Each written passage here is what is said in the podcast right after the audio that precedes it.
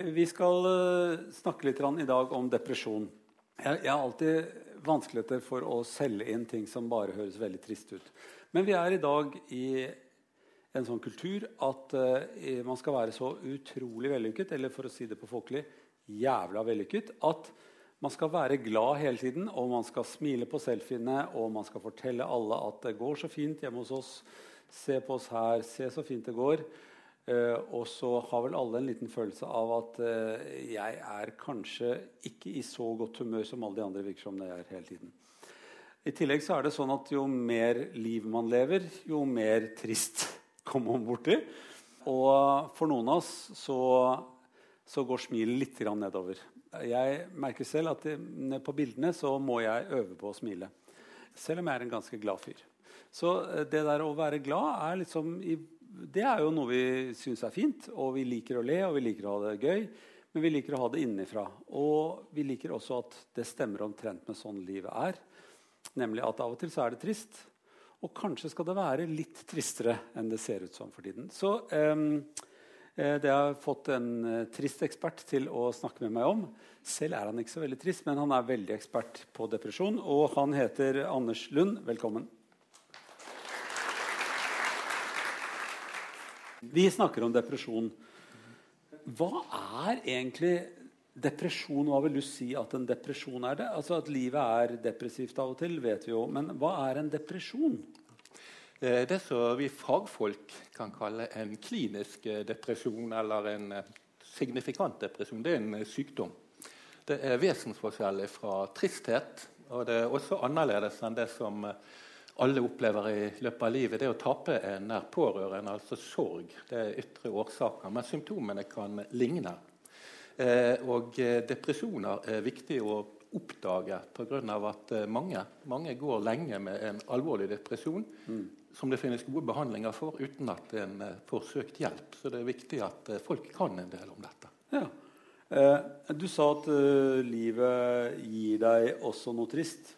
Altså det at man mister en nær pårørende, som jo kalles uh, død ofte, uh, betyr jo ofte at man sørger over det. Man lengter, og man er veldig trist. Og det fins det jo også ritualer for. Altså Vi syns at begravelse er veldig viktig. Det er viktig å gråte. Andre land har de gråtekoner. Altså man, man stimulerer til å være trist. Har vi glemt det i vår kultur. At, eh, at, tristhet på en måte ikke får noe særlig eh, poeng. Altså at ikke, ikke, Folk syns ikke det er noe viktig at man er trist. Ja. Eh, jeg, jeg, tror det. Jeg tror det er samfunnet vårt, og kanskje særlig sånn som en del unge kjenner det, så er det på overflaten veldig vellykket. Veldig bra. Facebook, bare de fine bildene. Og det er, mener jeg sterkt, er for lite plass til tristhet, melankoli Eh, som er en del av menneskets eh, ja, eh, skjebne ofte. Og sorg. Sorg i Norge mener jeg møtte av og til utenlendinger på kongresser og møter. og i, en slående ting er at i, i, vår Norge, i vårt land, så er det litt, gitt lite rom til det. Man skal liksom ta seg sammen og ikke vise åpenbart sorg så veldig lenge. Og, og det tror jeg er uheldig. Det, det legges lokk på en del ting som er en del av som er en del av livet, og alltid har vært det, og bør være det. Så vi er opptatt av følelser, men vi er ikke opptatt av de negative eller triste følelsene? Ja, jeg vil, jeg vil si det, Trond-Viggo. For det er, det er, Så har jeg nå det motsatte. Og nå møter ikke jeg det. Jeg jobber ute på Sandviken sykehus ute her og, og har pasienter som er veldig syke.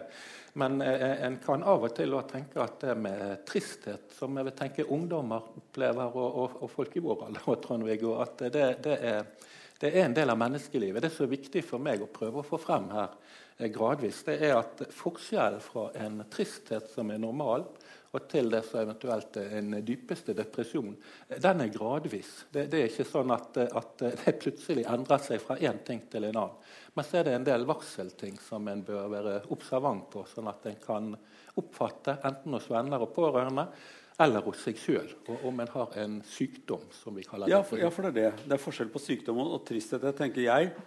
Én ting er at det kan være trist, men jeg, også, jeg blir jo uh, får jo lyst til å være trist av og til. Altså, Jeg syns synd på meg selv, eller på sånn jeg har det. Og da, uh, for å bli enda tristere, så setter jeg ofte på musikk som gjør meg enda tristere. ting som jeg kan bli melankolsk av, og kanskje få til å gråte. Altså det der å oppsøke tristhet. Ja. Er det Altså jeg tror det er normalt siden jeg gjør det, men er det er det, er det noe som, som er, det, er, er, det, bra? Jeg er litt grann usikker, for å ta det helt kort og enkelt. Så ja, vi får ta en prat etterpå, Trond-Viggo. Eh, det som er, er at eh, eh, ja, hva skal jeg si, jeg tilbringer mye av arbeidsdagen med å snakke med mennesker som er veldig triste, altså som er deprimerte. Og det er da forbundet med grov funksjonssvikt. Og, og tenker at det, det, er, det, er, i hvert fall ingenting å, å trakte etter. I studietiden så tenkte jeg litt, eh, kanskje litt det som du sa, Trond-Viggo, at, at, eh, ja, melankoli på en måte, det triste. Det er, men eh, jeg skal ikke stenge det ute. Men siger det på en tungsinn hvis du etter noen dager ikke greier å riste det av deg, men blir sittende og gråte og spille dyster musikk, så, så må du få hjelp av dine ja, jeg, jeg, jeg, tror, jeg, tror ikke det er så Jeg tror ikke det er egentlig eh, jeg tror ikke det er melankoli sånn i dypeste forstand. Det er mer det at jeg har lyst til å være litt rørt. Mm. Eller litt sånn eh, Hva skal jeg kalle det? Altså for eksempel, eh, Man tenker sånn Det er en i slekten som er veldig syk, og da tenker man sånn Og livet går sin gang, og, og man skal miste noen, og det har ikke skjedd ennå. Eller man tenker sånn Nå har jeg fått barn, og de skal bli store og forlate meg.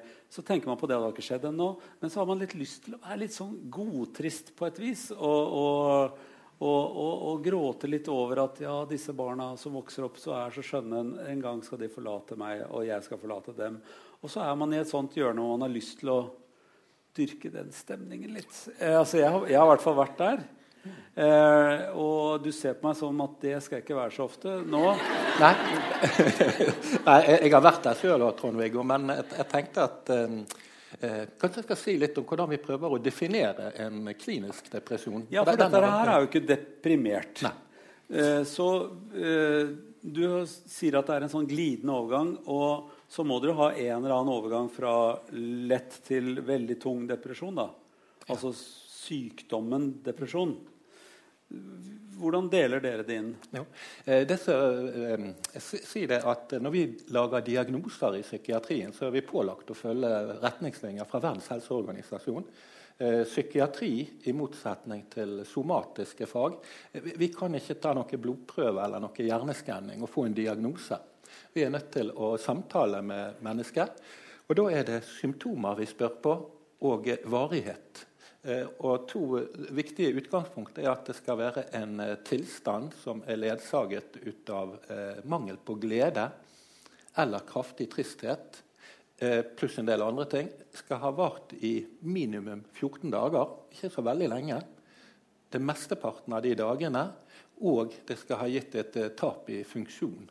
Og det vil si at Hvis en ikke sjøl Eh, tenker over kanskje, kanskje er dette noe som går feil veien, så, så, i utgangspunktet så bør omgivelsene, dvs. Si familie, foreldre eller barn, si at det, ja, at det, er noe som er galt nå. Du har så lite energi, du sitter og sturer for deg sjøl, og du sier det går tregt på arbeid. Og, og, så lager vi i helhet et bilde da, eh, som, som en da kan kalle en klinisk depresjon. Men den deler vi opp i lett depresjon, moderat depresjon og alvorlig. Den alvorligste den kan være av en type der en får eh, vrangforestillinger. En tenker eh, kraftig at eh, 'jeg er et ondt menneske', kommer aldri til å få til noe. Jeg er jo konkurs, ingen er glad i meg. Og da kommer en over i en farlig tilstand. Som er, men, men det, det, det, glir over i hverandre. Så, så det, er, det, er, ja. Men å lage diagnosen er sånn rimelig enkelt. ja. Jeg syns det var veldig oversiktlig. Og oppdage med en gang at min sånn tristhet den, eh, den varer jo ikke mer enn noen timer. Altså Jeg klarer jo ikke å være trist altfor lenge og spille musikk som gjør meg trist, og smågråte litt. Da må jeg jobbe veldig mye for å bli så trist. Men da vet jeg jo om det selv. Men hvis man altså er deprimert, så er det særlig de andre kanskje som merker det. Og for deg er det viktig som kliniker at at man merker det enten på, eh, på, på, på, den kjære man har, eller på ja. barna sine. At far er så trist nå, eller mor er så trist nå, eller min kone er så trist nå. Og det har vart så lenge, og jeg syns det er så rart. Rydder ikke opp, vasker ikke opp, klarer ikke stå opp om morgenen. Sånne ting. Ja. Så det, det, må, det, er ganske, det, er ganske, mye i forhold til det jeg beskriver av tristhet? Ja, Nei, det, det, er det. Og, og de som eh, vi møter i helsevesenet, de, de, de eh, ja, de kan vi da for så vidt dele i to grupper. Det høres sikkert litt firkantet ut for dere, men vi gjør nå det. Noen er ikke deprimerte. Det er en tristhet, det er en opplevelse av sorg, det er en opplevelse av tap. Og ungdommer, Hvis kjæresten slår opp, så kan det jo bli kjempetrist. og Det kan sikkert være både én og to uker. Men det, da teller det ikke, på en måte, for det, det, da, er det en åpenbar ytre årsak. Så det er én ting jeg tenkte på igjen, det du fortalte, Trond-Viggo. At eh, kvinner, eh, damer, de, de, er ofte litt flinkere å søke hjelp for dette. Og, og Det, det syns jeg er interessant, men trist for, for eh, oss menn. Og det tror jeg har med, med at de eh, som ja, flertallet av de kanskje har litt mer tilgang på den type følelser, og at de merker litt mer at noe er, er feil. Mens eh, menn kan gå veldig lenge og for så vidt både gå på arbeid og studere, men det går dårligere. Og omgivelsene eh, ofte ja, merker det. Og det kan da være ektefeller eller medstudenter e, eller, eh, eller kollegaer som sier at det, det ja, virker som du er så trist og nedfor, og det ser ut som det går litt tregt med det du holder på med. Og, og på, på, barn nå har ikke jeg jobbet med det, barn og kan rammes av depresjoner. Da faller ofte skoleprestasjoner, altså hvis de går på skolen. Og, og, så det er mange ting. Så det er viktig si til, si til dere så, ja, godt publikum, det er viktig å følge med venner. For det er så vanlige sykdommer dette at en må prøve å være litt aktiv. Spørre, spørre litt venner. Og, ja. ja. for For deg så, så eh, beskriver du dette som en sykdom. Altså at eh, ikke er bare en sånn enkel sjelstilstand eller noe som For livet går jo opp og ned hele tiden. Men du, du, du, sier at dette er noe som vi må ta alvorlig som en annen type sykdom. Som en fysisk sykdom. Så det er lettere å se om folk har brukket et ben eller puster veldig tungt. eller sånne ting. Men at man er trist, får, uh, får man kanskje ikke så ordentlig tak i. Og når du sier med menn, så tenker jeg også at menn det er jo mye vi ikke kjenner. Altså Vi kjenner jo det vi har i hendene, og så kjenner vi det vi har i, i buksesmekken, men så kjenner vi ikke noe særlig mer. Det er, det er, mange menn som ikke kjenner kroppen sin i det hele tatt. Eh, og i hvert fall ikke kjenner når ting går galt psykisk, for da tenker de at det nå er jeg en svekling, og nå, dette er skamfullt, og jeg skulle ha klart meg sjøl, og jeg skulle vært stor og sterk. Eh, Uh, mens damer de er sånn fra før av på en måte. Litt sånn Nei, nå, nå ja. prøver jeg å erte deg opp. jeg merker det. Uh, jeg er enig, enig litt av det. Damer kjenner liksom alt, mm. og menn kjenner liksom ingenting, hvis jeg overdriver. Uh, kanskje kvinner burde av og til kjent litt mindre, og menn kjent litt mer. Ja, det, er, ja. Oh. Det er veldig mye damer her, så det er veldig skummelt å si. Ja, nei, Det er rett og slett typisk. Eh, menn burde definitivt kjent mer. De, de burde det. Og det, det, er de som driver med det vi kaller epidemiologi, prøver å finne ut hvor hyppige er depresjoner i Norge og i Europa. og sånn forskjellig.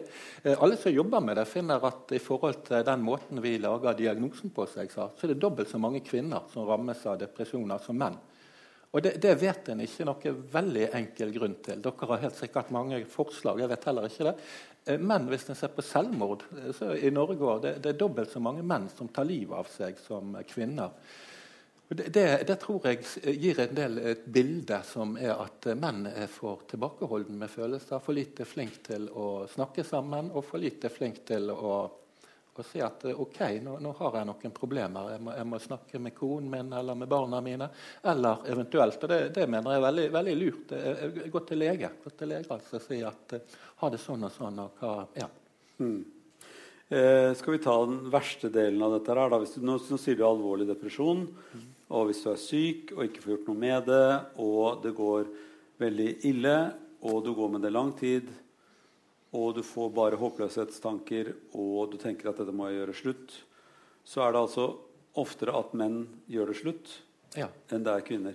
Og menn driver også ofte og, og, og, dreper seg selv veldig voldelig, de som gjør det.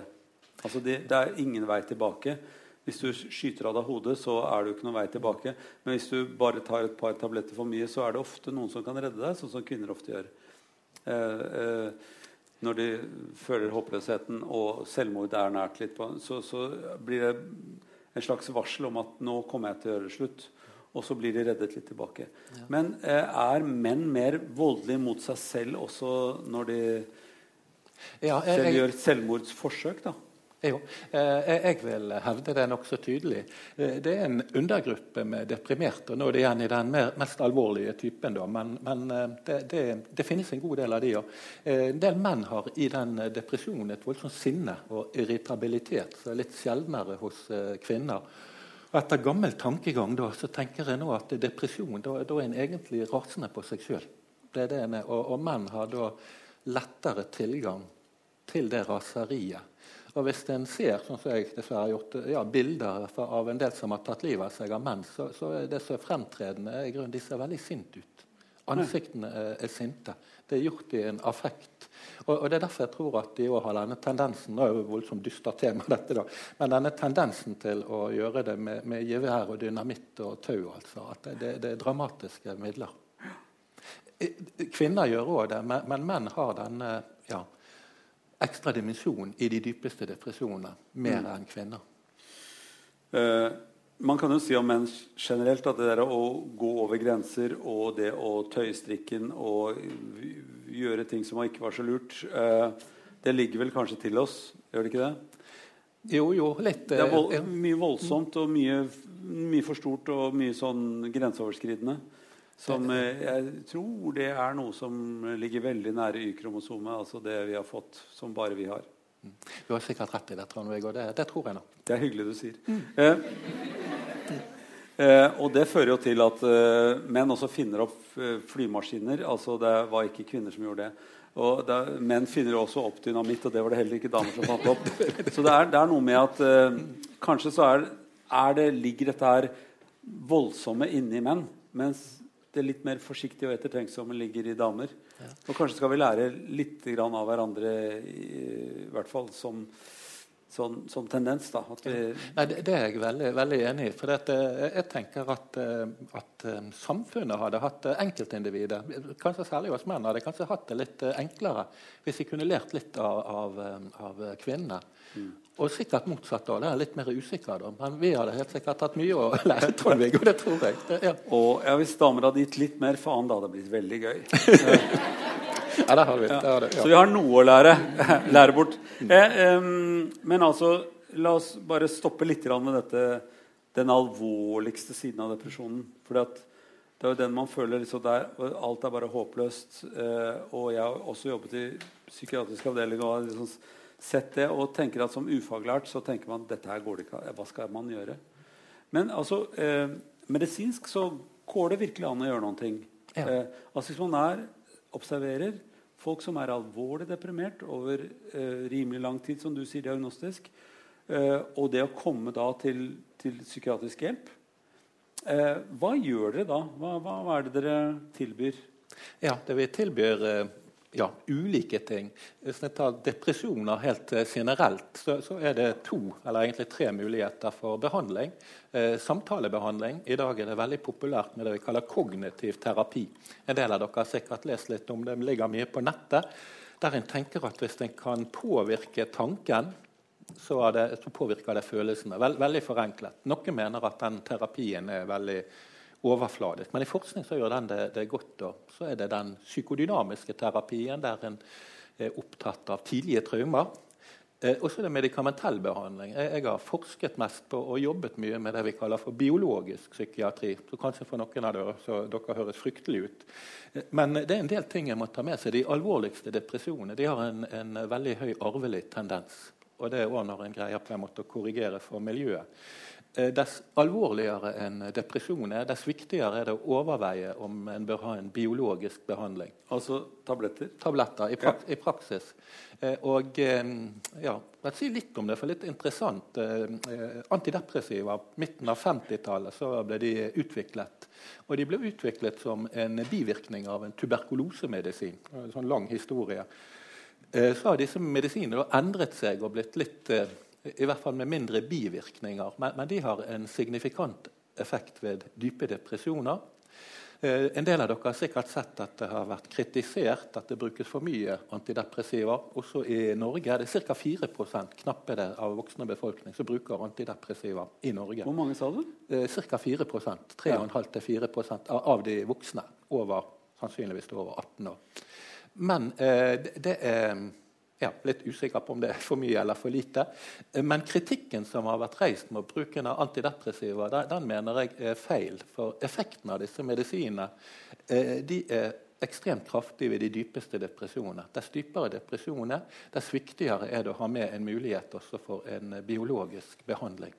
Og, og det, det, er viktig for meg å si. For en del, kanskje særlig en del studenter og en del eh, kan være veldig negativ. Da jeg begynte i psykiatrien, så var jeg helt imot medisiner. Jeg, var, ja, og det var noe, jeg lærte noe litt seint, kanskje, da, men jeg lærte noe at det går ikke så godt på et sykehus uten det.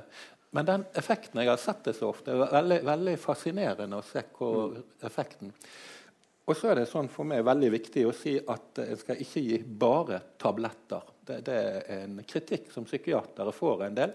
Eh, I Norge tror jeg at den kritikken er lite begrunnet. Altså, I den forstand at jeg, jeg, kjenner i hvert fall tror jeg ikke noen psykiatere som bare skriver resepter og sier ha det og lykke til. Eh, så en bør da ha samtaleterapi i tillegg. Det, så akkurat hvilken type samtaleterapi det kan man diskutere, men, det, men man må gå til en eller annen profesjonell samtaleterapi eh, og få noe medikamentell behandling hvis man er veldig dypt deprimert. Ja. En kan også gå til allmennlegen. Allmennlegene, altså fastlegene, eh, de er ganske godt kurset nå. Og, og vi har hatt mye programmer egentlig, som har kurset fastlegene i å lære å diagnostisere depresjoner eh, og også overveie medikamentell behandling.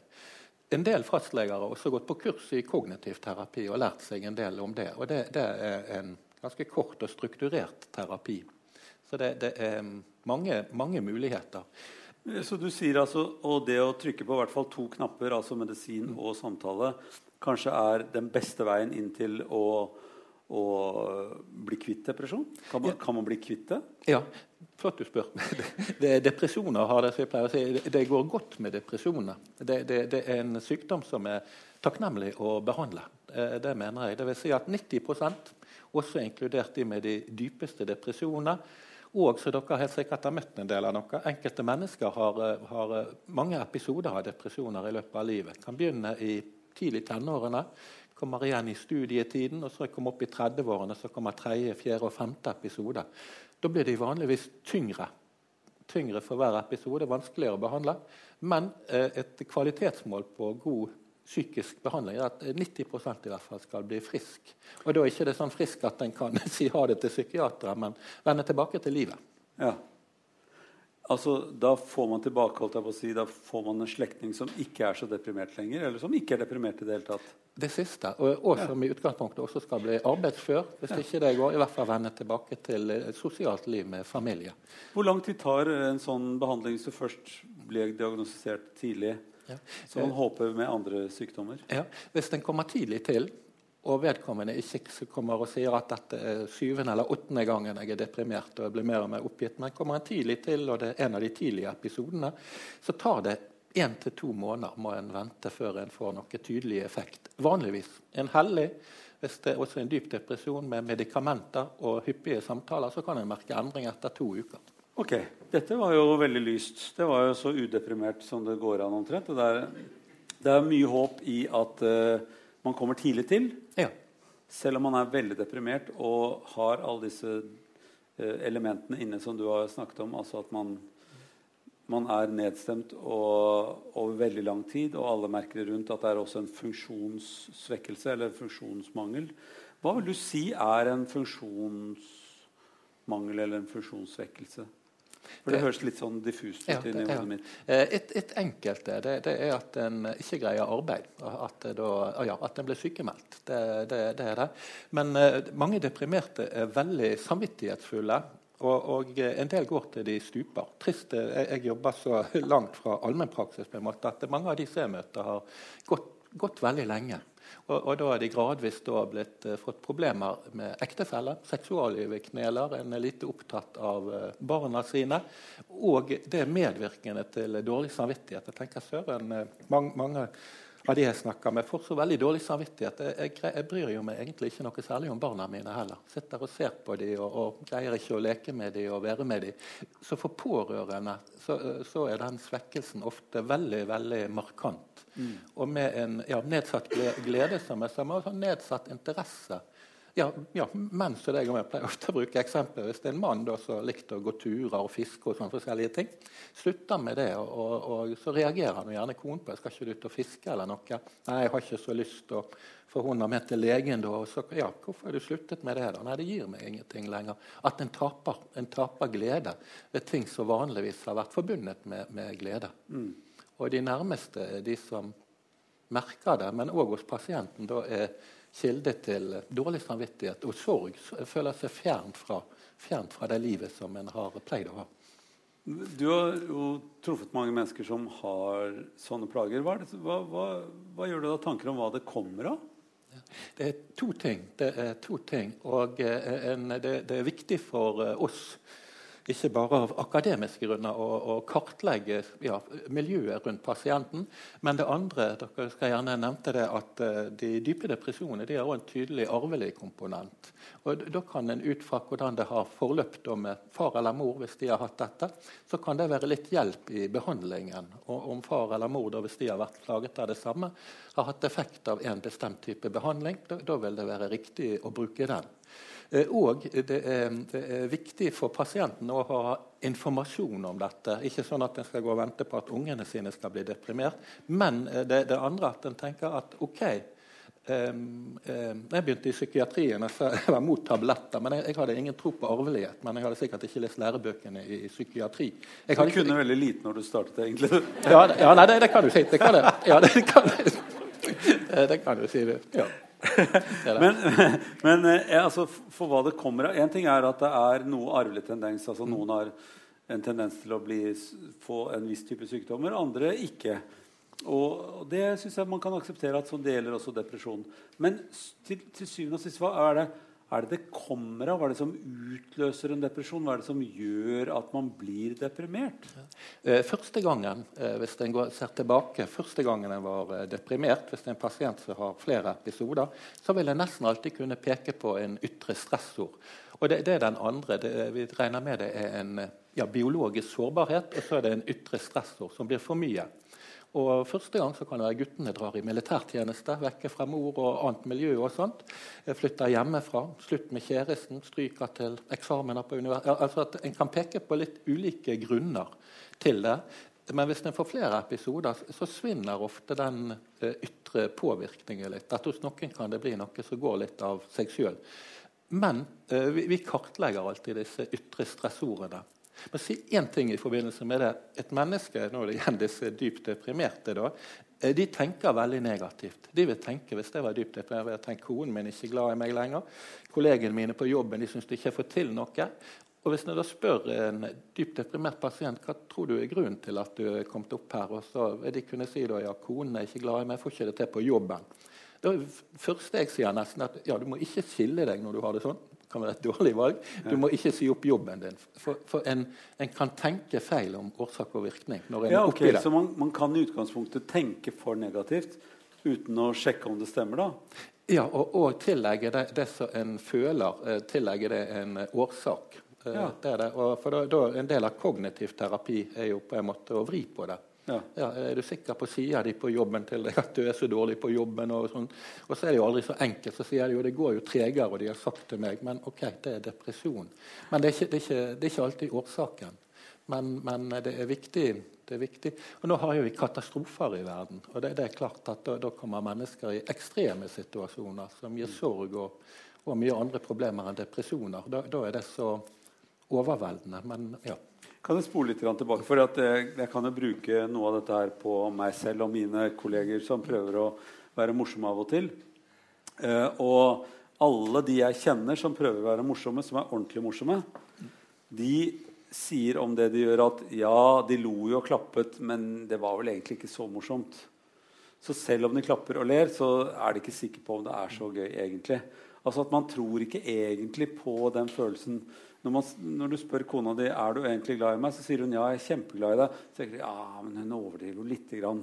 Altså at man tenker litt sånn beskyttende negativt. Uh, i, ja, jeg, jeg, vil kalle det det. Altså Man beskytter seg mot at det, at det kan være verre. Så man liksom jobber med for å, å være bra.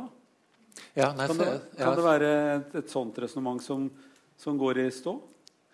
Ja, litt, eh, men så overdriver en det så voldsomt. Ja. En, eh, en, tenker at ok, hvis konen ja, ikke, ikke det samme som det var for 20 år siden, eller noe sånt, men så kobler det at hun liker meg ikke egentlig i det hele tatt. Det, Nei, det, blir, det blir, en forsterkning. For og Hvis du har komikershow og folk klapper og klapper, så tenker jeg ja, ok, de klappet, men det, var nå ikke så voldsomt. Ja, jeg sa jo dette i forgårs også. Det er jo det ofte komikere gjør. Altså, jeg har sagt det før. Eh, jeg vet, åh, nå ble det så stille, og Det er et sånn skummelt ting for oss som er morsomme. Eh, at man tenker sånn de, eh, jeg, jeg, er nødt til å hause meg opp igjen, jeg, og det tror jeg alle vi gjør som er komikere. Eller prøver har publikum. Vi sier at det er en grunn til at folk er kommet hit. De må like meg på en eller annen måte. Og jeg er sikkert veldig hyggelig. Og så sier man det til seg selv nok ganger, og da orker man det. Eh, og være, være, noenlunde morsom for seg selv. Eh, og hvis folk klapper og ler, så har jeg vent meg nå til at det er antageligvis fordi at de syns det er gøy. Eh, og sånn må man jo være litt sånn grei med seg selv. da. Ja, nei, men det er godt sagt. Det, For jeg tenker at det å være grei med seg selv handler også om at er det, at spør seg selv er det rimelig at jeg tåler dette her, eller er det lov til å være litt trist. Altså Når kjæresten din går fra deg, er det rimelig at jeg tåler det? Ja, men er det lov til å være litt trist? Ja. At man kan si til seg selv at ja, men jeg har lov til å være litt trist òg. Men Jeg kan ikke være trist i ukevis, men jeg kan være trist, tenke på det, snakke med noen, og så kanskje det triste går over. Ja. Og så mener jeg med seg i en sånn situasjon tenker jeg, Trond Viggo, er veldig viktig for oss mennesker å si ja, ja, ja at eh, jeg, jeg er nå ganske OK. Her, her, er jeg. så det, det, er sånn jeg er. Sånn er jeg og, og, og prøver å ha. Og så sier jo analytikere som kjenner en del av det, det er jo en sånn slags basal ting som jeg får fra moren i de første ja, for så vidt leve ukene og månedene. Eh, men, men en kan òg, tenker jeg, tror jeg, håper jeg i hvert fall, en kan øve seg opp sånn litt som du sa. En må ja. si det litt til seg sjøl at jeg, jeg er ganske OK menneske. Jeg får nå til en del. Og da, da, da, da ja, er det bra. Ja, ja, men det tror jeg alle kan si til seg selv. Og så kan man ikke skylde på alle andre hele tiden. Altså, jeg, altså Sånn som går i sånn dyp samtaleterapi over lang tid. og Jeg skal ikke si noe stygt om det, men jeg skal si noe litt sånn på kanten om det. For jeg, jeg syns noen av de er for mye fokusert på, på, ting som såkalt kan være traumatisk tidlig i livet. Altså er, jeg, man kan ikke skylde på mor når man har sluppet puppen, er mitt sånt leveregel. Altså at man må, eh, man må ha litt eh, ansvar for seg sjøl. Og noe av dette her går jo også på er det rimelig at man skal tåle dette her, eller er det ikke. Og noen ganger må man si til seg selv det er rimelig at jeg tåler det. Altså, Jeg har det ganske bra. Det er rimelig at jeg tåler dette her. Det er rimelig at jeg tåler at livet går litt imot meg. Ja. Men så må vi jo ha respekt voldsomt for, for de som ja, ikke får til det. Og, og noen av det, de vil tilskriver det da ulike former for traumer i barndommen. Og for det, det er så veldig ulikt hva folk tåler, naturligvis, og, og hva, hva, også en tillegger, tillegger vekt. Det det. Den, men den ballasten jeg får med seg tidlig i livet, den er av jeg tror jeg må, Hvis den er, er tung og traurig, så tror jeg at en må jobbe ekstra mye med seg selv for å, å, å få det til. Det, det, ja. Altså, det, er, det, er, litt forskjellige utfordringer for oss. Uh, for noen har hatt det lett og må kanskje tåle litt mer. Og noen hatt det ganske tungt og bør få lov å ikke tåle så veldig mye. Er det det du sier? Ja, Den siste gruppen skal en ha voldsom respekt for. Hvis en tenker igjen på mennesker som er deprimert, og ikke nødvendigvis de som er kjempedeprimerte, men folk som sliter og har det tungt, går, går måneder og ikke får til så veldig mye, eh, så, så, vanligvis så er det dummeste de kan høre, nesten det som du sa, Trond-Viggo. Du du må nå fikse dette. Du må ta mm. deg sammen og komme deg noe i sving. og Ikke heng ved det. En kan si det, men da må, må en si det med en, en veldig respekt for at det mennesket eh, får ikke akkurat det så veldig lett til. At de må bruke litt tid på det og ha en form for velvilje. Og det må jeg si, De fleste pasientene jeg har hatt med depresjoner, de, de, de er blitt ganske mye såret egentlig fra mm. pårørende. Så går jeg egentlig på en, en for eh, ja, overfladisk holdning på at eh, ja, må ta deg sammen, kom deg ut og, og gjør det og det. Og det er godt ment, det er godt ment men det virker sårende og, og fiendtlig, rett og slett. når en, eh, ja. Altså det, Den holdningen som jeg da viser at, at eh, å tåle ting, så er det, er det vi lever i en tid hvor både det å tåle bør diskuteres. Hvor mye skal man tåle? Hvor mye er det rimelig at man tåler? På et personlig plan. Og hvor mye skal man føle seg krenket i forhold til alt annet som er krenkende? Skal jeg føle meg krenket når noen øh, å si, tar fra meg ting øh, som jeg kan altså, Hvordan skal jeg si det? Eh, jeg, jeg, tror jeg bare sier så generelt at jeg, jeg syns at en del folk lar seg krenke av veldig lite for tiden. Mens andre burde absolutt ha blitt krenket eh, for ting som skjer for tiden. Altså det, igjen, det er så vanskelig å, å, å, gi folk råd uten å kjenne dem godt. Ja, det, det, det er 100% Og jeg skal være litt, litt forsiktig med å, å, å, gi råd. og Derfor tenkte jeg det vi begynte litt med, Trond-Viggo, det, det, er så viktig å ta vare på venner og familie. For det, mm. da er det folk en kjenner en del og, og, og vet litt om hvordan de pleier å ha det, og har også et bilde ut av hva en tror de tåler, hva de tåler å høre. For det er klart For enkelte mennesker så kan det være veldig bra å si at nei, nå står du opp om morgenen og kommer deg i sving. Da kan det være det riktige. Men for mange så, så er det ikke det. Det, det gjør det tyngre. Ja. Så, ja, så en må, må, en må, føle seg litt frem. Men er det mennesker en kjenner, så, så ja. Det viktige er egentlig å, hvis en lurer på om en av vennene eller en i familien har en depresjon, da må en sette seg ned for så vidt sånn som vi gjør nå, Trond-Viggo, og snakke litt. Eh, for det som eh, jeg har sett i hvert fall med, med, mange av pasientene mine, er at folk etter hvert eh, viker unna de litt. At både pårørende og venner trekker seg litt unna. Og, og da må vi bruke litt runder der jeg prøver å fortelle dem at Eh, det er nok ikke ondt ment, men, men, de vet ikke hva de skal gjøre. De tror noen at det, det er farlig hvis de tenker ok, nå, nå Trond-Viggo er han deprimert og nedfor. Og Hvis jeg spør han om hvordan han har det, så brister han sammen i gråt. Og så vet jeg ikke hva jeg skal gjøre. At, at en tenker litt feil. For det, det, er viktig å ha de, de gode, gode, samtalene. Det, det, det er det. Ja. Hvis folk brister sammen i gråt, for dette er jo veldig viktig Hvis jeg snakker med noen, og de brister sammen i gråt, hva pleier du å gjøre da? Da pleier jeg å prøve å holde rundt dem og snakke med dem. Det er ikke noe verre enn det? Nei, nei det er i grunnen ikke det. Det, det er det ikke. Og, og det, det, er ufarlig. Og, og, det verste en kan, kan risikere, da, er at noen kan bli ja, uh, uvel eller, bli litt sånn irritabel og si at nei, nei, nei, at, at de er uvant med det. Men det er i grunnen ikke verre enn det. Det, det er det ikke. Og, og, så må en gi seg litt uh, tid. Jeg spurte en kollega en gang og tenkte det var litt gøy, eller jeg ikke sett den på så spurte, hvordan går det med deg. Sa vi du har den korte eller lange versjonen, sa han. Ja. Jeg sa nei, jeg, jeg, har bare fem minutter på meg. Men da, da kan jeg gjerne avtale litt og snakke, for jeg må, jeg må, tenke at ting kan ta litt tid. Ja. ja. for at, eh, jeg tror folk er veldig redd for at andre skal gråte. Ja. Jeg tror at gråt er utrolig skremmende, særlig for menn at menn syns at gråt er veldig skremmende når andre gråter. Og særlig når andre menn gråter. Det rare er at eh, folk gråter jo ikke i timevis. de blir jo ferdig med det. Det tør, tørker det jo, opp, de blir ferdig. Det er jo bare den som gråter, som gråter. Stort sett så begynner ikke du å gråte fordi andre gråter. Altså det, og hvis de får lov å ha den følelsen for seg selv, og får la den gå over, så tørker de jo seg selv opp og blir ferdig med å gråte. Og, og da er de ofte litt slitne og glad. Altså det, det å gråte er jo ofte en utløsning? Ja, nei, Det kan være en, en, definitiv forløsning i det. for uh, Jeg er helt enig med det du sier. Nå ble det mye fokus på menn. da, men, men uh, ja, La det bli litt fokus på menn. la det bli fokus. menn, menn er, dårlige med det. Da, altså. Jeg er helt enig. altså. Men, men uh, en del ja, nei, menn er dårlige å gråte. Ja, det er det. det ja. Og, og, jeg er jo helt enig i at man skal være veldig forsiktig med å gi folk dårlig samvittighet og skamfølelse. Altså De to tingene er vel kanskje noe av det mest ødeleggende man kan stimulere hos folk. Fordi det bare føler til en slags implosjon. Nå skal jeg bruke et vanskelig uttrykk. Altså At man liksom detter sammen innvendig og ikke får den kraften som man skulle ha i en samtale. Men vi, eh, for å fylle på, da eh, Hva kan man gjøre som venn, kjæreste, pårørende for å fylle på de menneskene som sliter med depresjon, og ikke trekke seg unna som veldig ofte særlig menn da har tenkt å gjøre. Ja. Det, det, er viktig å, å, ikke være redd de. Og det er viktig å ikke være redd for Folk som er, som er deprimert? Ja, ja, ja, ja, og, og tenke at eh, en samtale kan være veldig god. Så jeg tror på en del andre ting. Det, det er veldig fint med å jobbe i psykiatri. Jeg må reklamere for det. En lærer voldsomt mye fra pasientene, som er, er, god lærdom.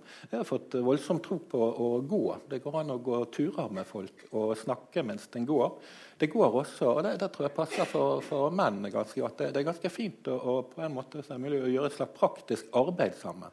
Kan en snakke mens den gjør noe? For det kan være litt slitsomt å, å sitte sånn veldig lenge. Tro, tro på å gå opp, bevege seg og, og være der.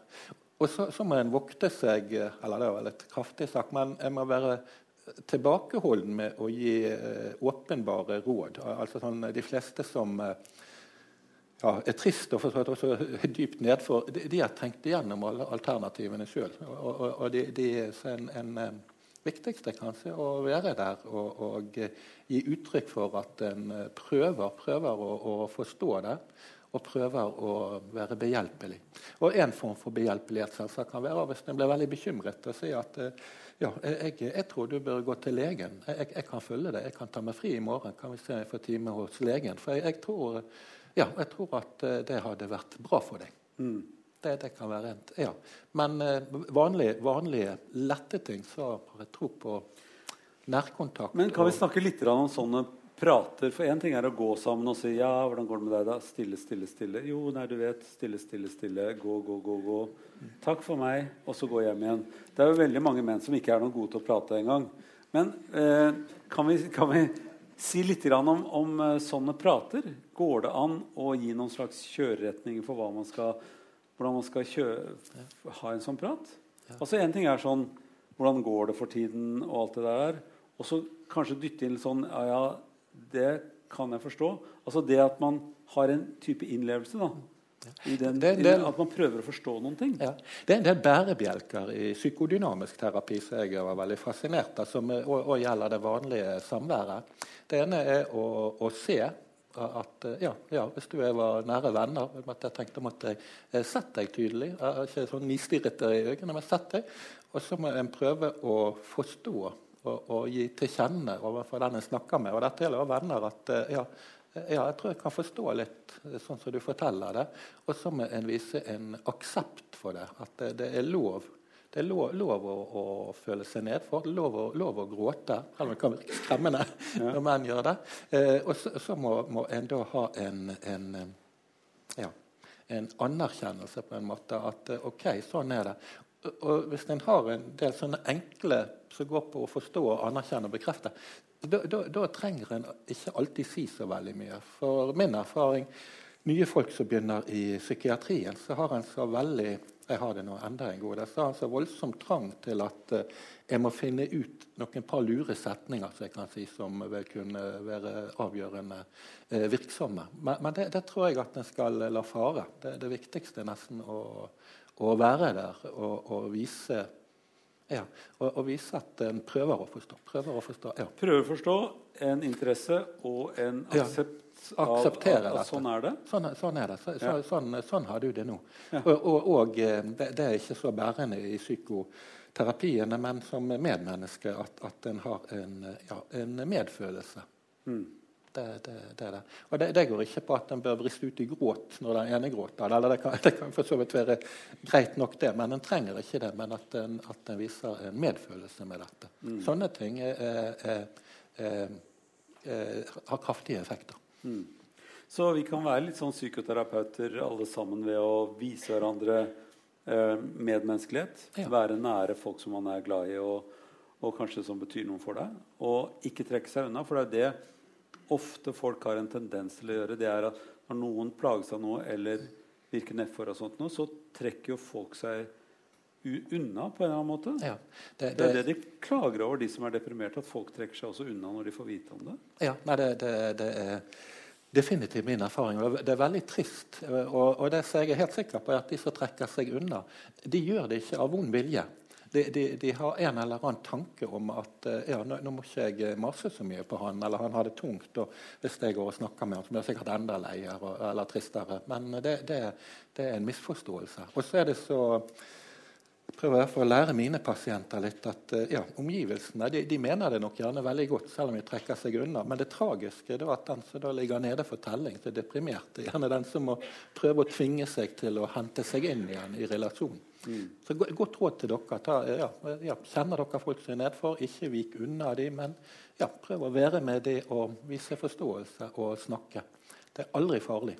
Aldri farlig. Og det gjør som oftest godt. Og særlig hvis du er mann, så foreslå å gå en tur ja, ja kan, kan, veldig gjerne sitte og snakke, men det, det ikke, jeg har fått veldig tro på det. Og En kan godt eh, se på fugler og, og eh, trær og, og, sånne ting òg, men, men, eh, det er, det er ja, Søren Kirkegård sa det, at det var ikke omtrent noe problem i verden som en ikke kunne gå ifra. Men de dypeste depresjonene kan ikke en gå ifra de. Men hvis en, en småsnakker, så, så er det bedre enn ingenting. Ja, og i, i, gamle Norge så satt man og rødet, som det heter. Altså man satt seg ved siden av folk og bare rugget. Det er jo sånn apekattmåte å være sammen på. Ja, det, det, ja. Kanskje det er en litt mandig måte? Å bare sette seg på trappa og være borti hverandre og dunke med armen og sånt, og som apekatter gjør, og så røre litt sånn frem og tilbake. Ja, ja. Men det kan være en måte å starte på. Den mandige måten i Norge er jo dessverre ofte tett drikking. Altså det, det, at det, ja. Og det, er, det, er, en dårlig metode, så klart. Altså. men er, eh, ja, men er én øl er det, er det For folk snakker jo lettere i, på bar, hvor man sitter ved siden av hverandre og drikker én øl og prater sammen. Da snakker jo ofte menn om ting de vanligvis ikke snakker om. Ja, og, og det syns jeg er voldsomt positivt. Og, og det, det, er vel En øl? Ja, ja, eller to for den saks skyld. Ja, okay. ja, men jeg, jeg tenkte at det, det er det er klart det forsvinner litt hemninger. Og da, da, kan en ofte snakke om ting som er betydningsfulle også. Mm. Det, det, Men bare dritings er ikke en god metode? Nei, det er ikke, det er ikke nei, den gode metoden. Nei, er, det må være litt øl. Ja. ja. ja. og damer er flinke til å starte likevel, så de kan jo bare gjøre som de pleier å gjøre. Ja. Eh, kan vi eh, igjen rykke tilbake igjen til lei seg? Jeg er litt sånn opptatt av lei seg og at ting skjer i livet. Vi er, lever jo veldig forskjellige liv. Altså, vi eh, omgås flaks og uflaks. Vi omgås Flaks og uflaks kan være alt, ikke bare være sånn vinne i Lotto, men altså eh, miste en slektning.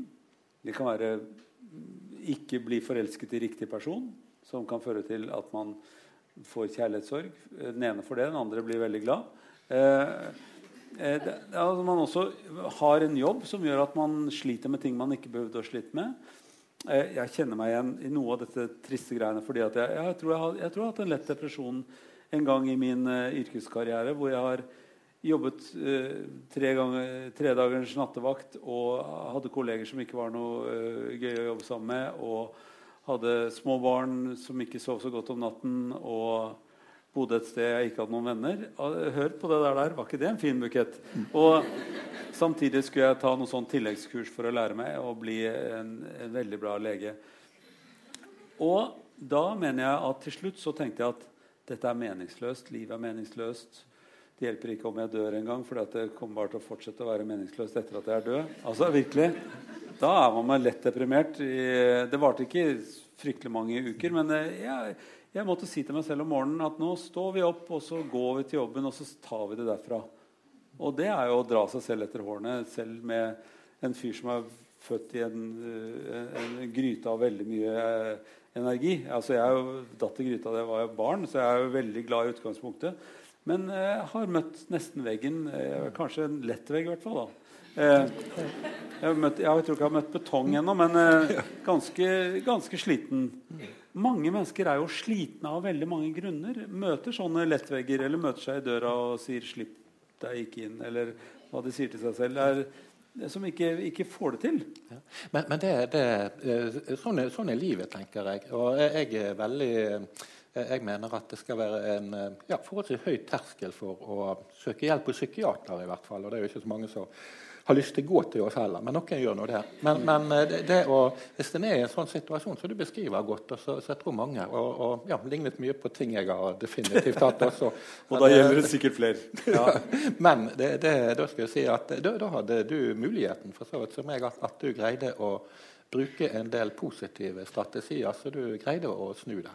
Og, og, og det, er alltid, det, er alltid, jo, det er alltid det beste for, for småsorger og, og, trøblete ting. Men ja, det kom på, Trond-Viggo. Det, det må gjøre nå. det er en sånn situasjon.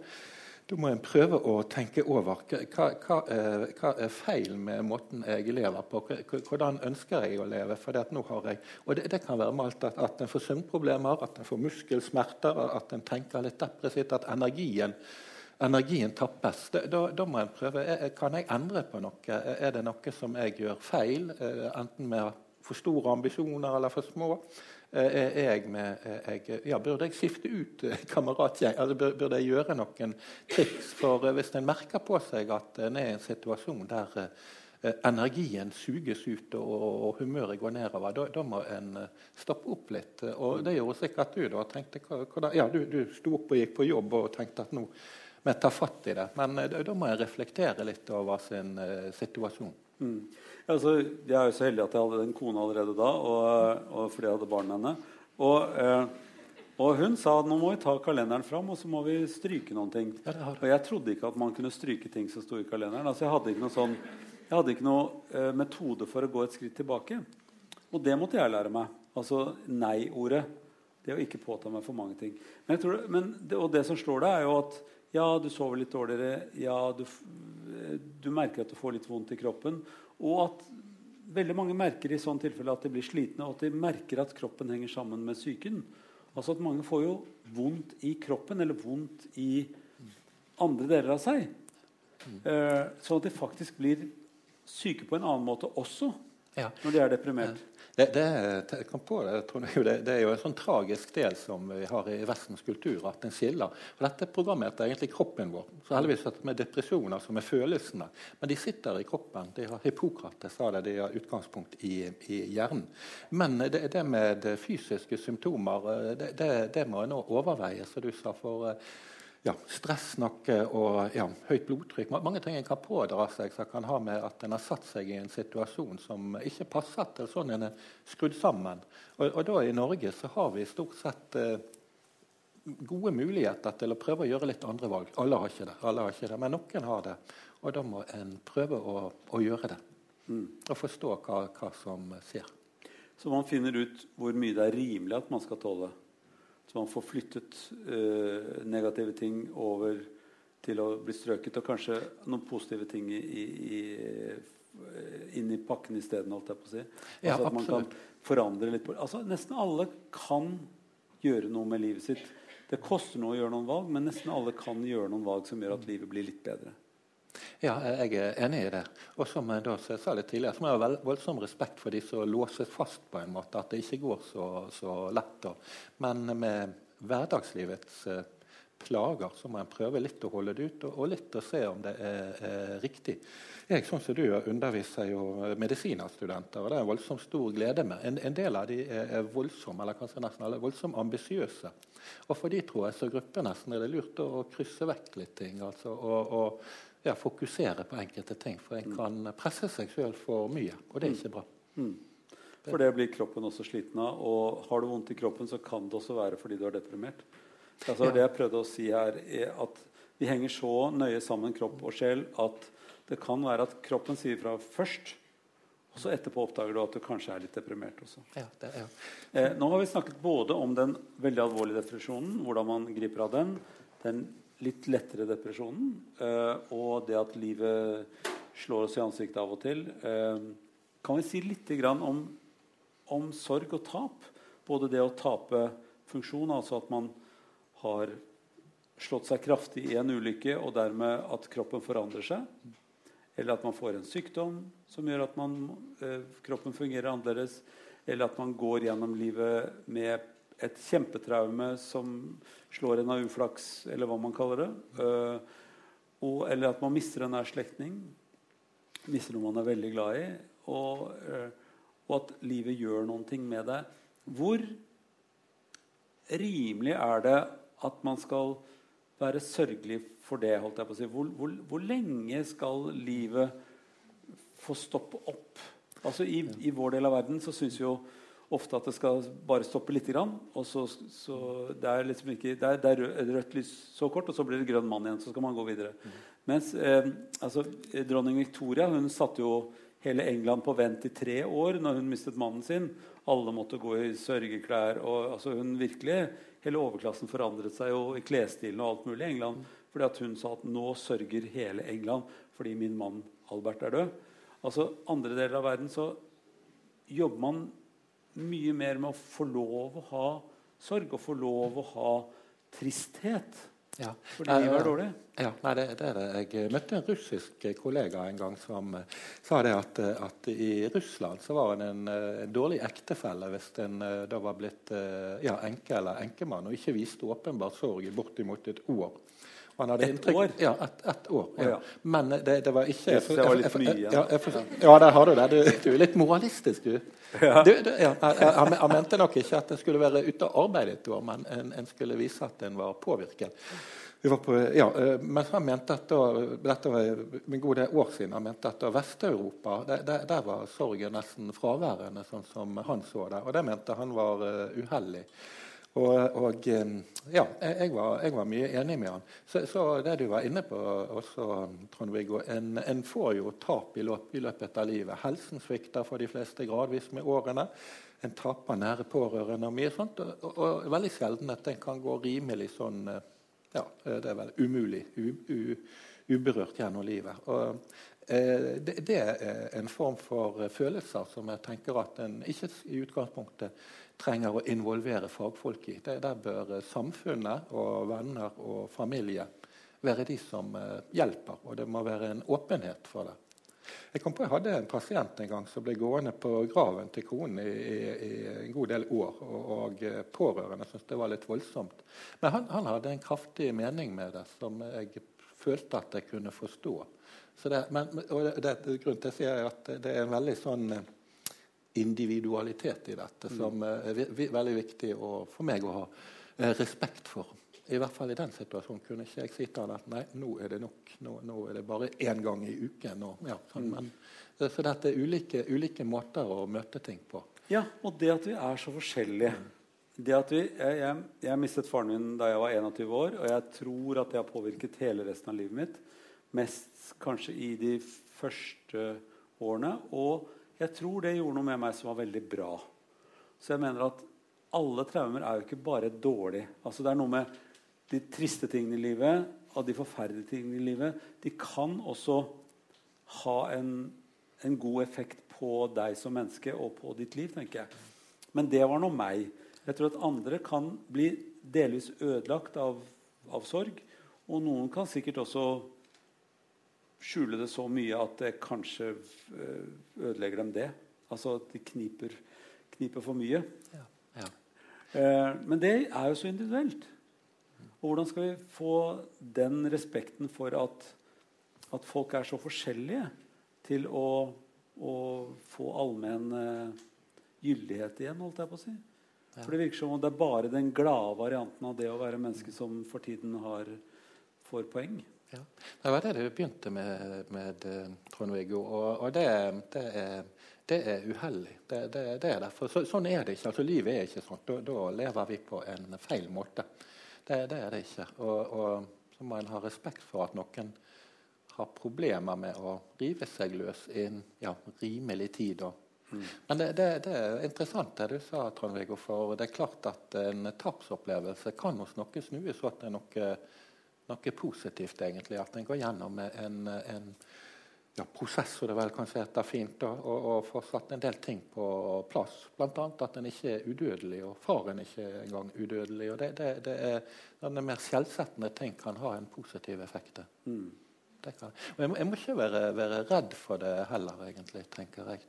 da blir en gående og være redd hele livet, og det er ikke så bra. Nei, det er ikke noe særlig nyttig. Nei. Eh, eh, det er en sånn afrikansk eh, fortelling om hvordan mennesker fødes. Og der sier de den, i denne myten som jeg har hørt, eller hva det heter for noe, fortellingen om når barn blir født, så settes de av naturkreftene ut i to forskjellige elver. Noen settes ut i en elv som går veldig fort, og noen settes ut i en elv som går veldig sakte. Jeg føler veldig ofte at jeg er satt ut i en veldig fort elv med, hvor jeg må eh, manøvrere meg veldig fort. Mens andre jo har en sånn lazy holdning til livet og bare dasser nedover elven. Eh, og noen ganger føler jeg også at jeg må kave meg oppover mot alle kreftene i elven. Mens andre bare flyter så deilig og rolig nedover på en sånn der bademadrass. Eh, jeg tror det er noen som har det fryktelig mye vanskeligere i livet enn meg. Og sliter med krefter som er helt umenneskelige i forhold til det de bør tåle. Og så er det noen av oss som da strever sånn passe. Og så er det noen som ikke strever i det hele tatt. og er så kjepphøye på andres bekostning. Altså, eh, de, de, tror alle liv er enkle, men det er det jo ikke. Nei, nei irriterende med sånne. Men det, er det. Er, det, er det. Det er det. Mm. Eh, men jeg liker veldig godt at du både sier at eh, noe alvorlig, traumatisk, grusomt som skjer i livet, kan med krefter og hjelp snus til noe positivt.